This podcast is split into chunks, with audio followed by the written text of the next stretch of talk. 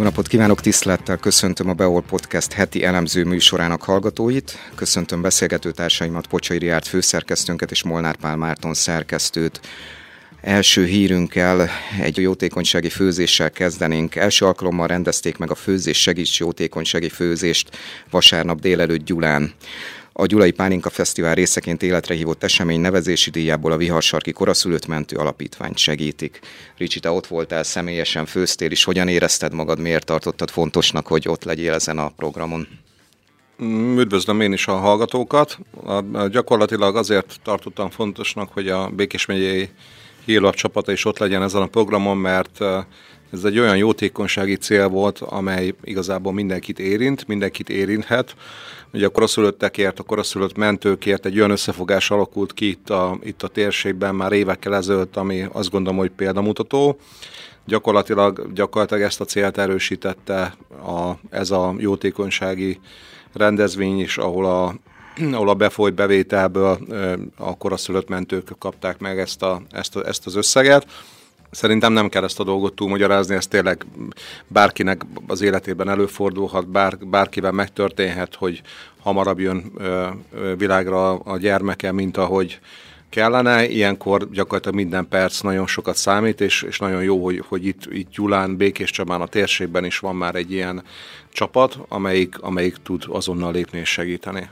Gábor, te a kezdetektől fogva nyomon követed ugye a működést, hogy mi a helyzet? Vannak statisztikák, adatok, hogy mi, miben, mennyiben segítenek, illetve a működési költségek egyébként rendben vannak, tehát hogy mennyire szükségesek ugye ezek a rendezvények, tehát mindenképpen indokoltak, de hogy, hogy, hogy segítenek is, vagy minden rendben, mi a helyzet Igen, most? Szükség van minden forintra, ugye 900-szor ment már a viharsarki koraszülött mentőautó mióta elindult, ami iszonyatosan nagy szám. Nem mindenki koraszülött volt, de beteg gyerekeket is vittek különböző helyekre, Budapestre, Kecskemétre, Debrecenben nagyon nagy munkát végeznek Abdulék, illetve a segítői, és ugye volt egy alap költség, amiből megvásárolták a mentőautót, a működésnek viszont nem áll minden forintja rendelkezésre. Ha jól emlékszem, azt mondta Abdu, hogy két millió forint fölötti a havi működési költség. Nagyon sokan segítenek egyébként vannak olyanok, akik oda mennek hozzájuk, és azt mondják, hogy most ezt az utat én kifizetem. Igen, ezt láttam adnak, Facebookon is, igen, adnak hogy több tízezer forintot egy ilyen útra, ugyanakkor nyilván szükség van az állandóságra, és ez egy nagyon jó kezdeményezés volt, amiből most kapásból összejött másfél millió forint csak a főzésből, és ezt majd tovább akarják fejleszteni. Mármint milyen szempontból akarják? Tehát bővíteni akarják majd a, a főzést, uh-huh. talán más alapítványokat is fognak segíteni, de ugyanúgy megmarad a koraszülött mentő alapítvány támogatása. És egyébként ezt a koraszülött mentőt hogy kell elképzelnünk? Tehát, hogyha egy laikus ember lát egy ilyet, akkor miben különbözik egy normál hát mentőtől? Speciálisan arra van kialakítva, hogy, hogy abba koraszülötteket helyezzenek el, gyakorlatilag egy mozgó koraszülött osztály. Ugye Gyulánban, itt a térségünkben a PIC úgy hívják koraszülött intenzív osztály, annak egy kicsinyített másának képzelhetjük el, hogy teljes biztonságban, rázkódás nélkül, inkubátorral, mindennel, ami egy koraszülött babának a, a, a minél hamarabbi mentéséhez szükséges. És hát kiváló szakemberekkel, már ezt sem szabad elfelejteni, hogy nagyon nagy munkát végeznek, akik ezt vállalják. Azt már Gábor is mondta, még utalt rá, és ugye ez a mennyiton is elhangzott, a Takács Árpád, dr. Takács Árpád főispán úr is elmondta, hogy gyakorlatilag hagyományteremtő szándékkal szervezték meg ezt az akciót. A, egyébként a koraszülött mentőknek az elérhetőségeit, a számlaszámát mindenki meg tudja keresni, megtalálható Facebookon, a, illetve az interneten is, úgyhogy csak arra tudunk mindenkit biztatni, hogy akinek módjában áll, az támogassa az ő munkájukat. Mindenképpen.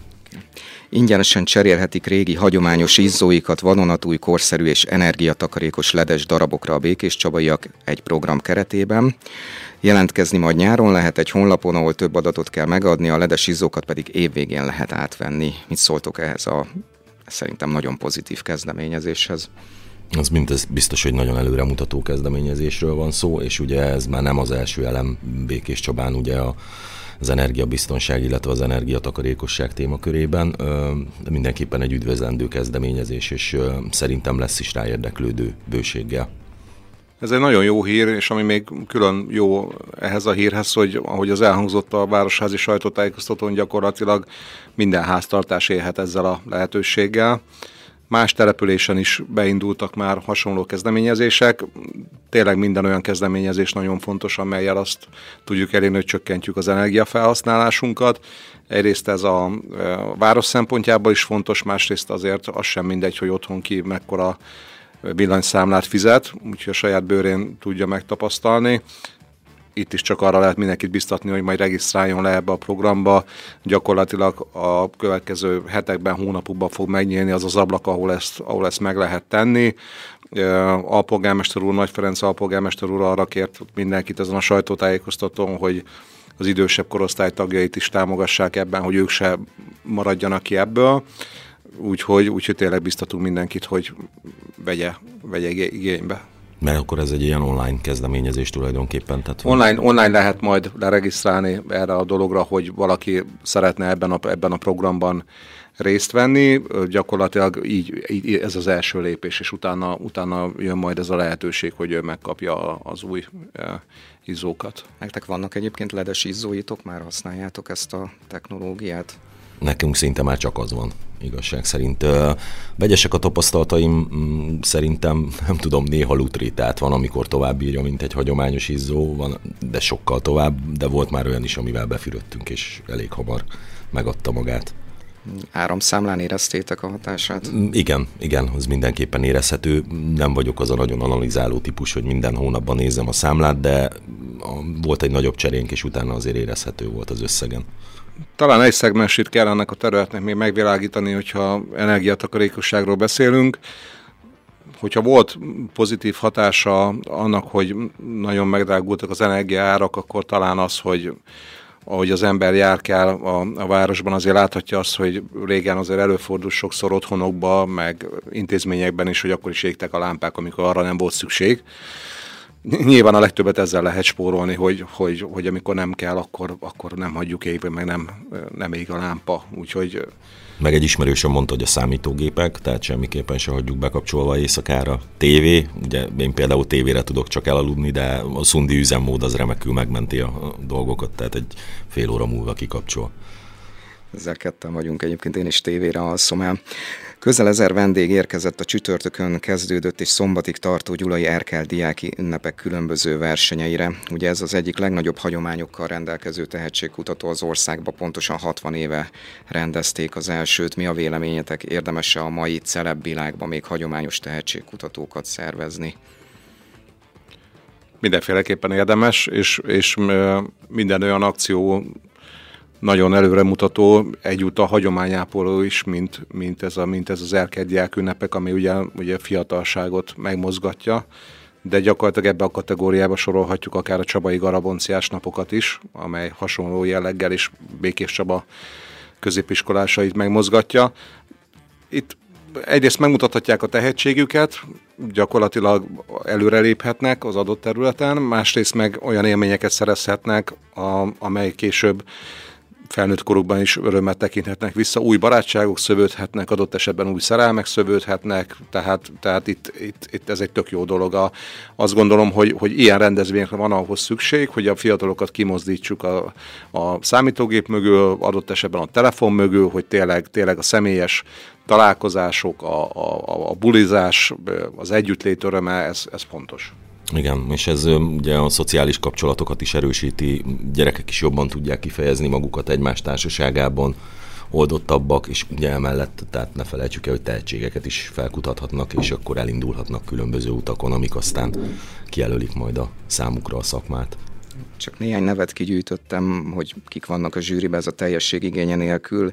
Kovács Vanda, Kárel Zénó, Császár Angéla, Kubik Anna, Szabó Tibor Benyámin, Hevesi Tamás vagy Heinz Gábor Biga, tehát tényleg nagyon veretes a névsor, akik értékelik a gyerekeket, a fiatalokat, és hát itt innen egyébként kerültek ki olyanok, akik később komoly pályát futottak be. Meg mindig egyébként mondják, hogy nehéz megmozgatni a gyerekeket, de hát ha jól tudom, akkor itt is azért elég sokan voltak Tényleg sokan érdeklődtek a rendezvény iránt, úgyhogy mindenképpen szerintem ezek a hagyományteremtő vagy hagyomány fenntartó rendezvények, ezek nagyon fontosak.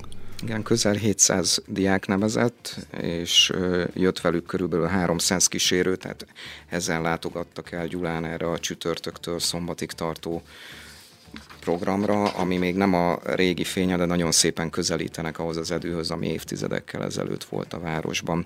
A felkelő nap országáról, Japánról szóltak ezek a napok a Békés megyei könyvtárban egy csütörtöktől szombatig tartó programsorozat részeként. A japán teák világáról szóló fényképkiállítás nyílt a földszinten, japán játékok kerültek az emeletre, japán dokumentumfilmeket vetítenek az előadóteremben, japán filmeket és könyveket ajánlottak a bibliotéka szakemberei, emellett előadásokat is tartottak.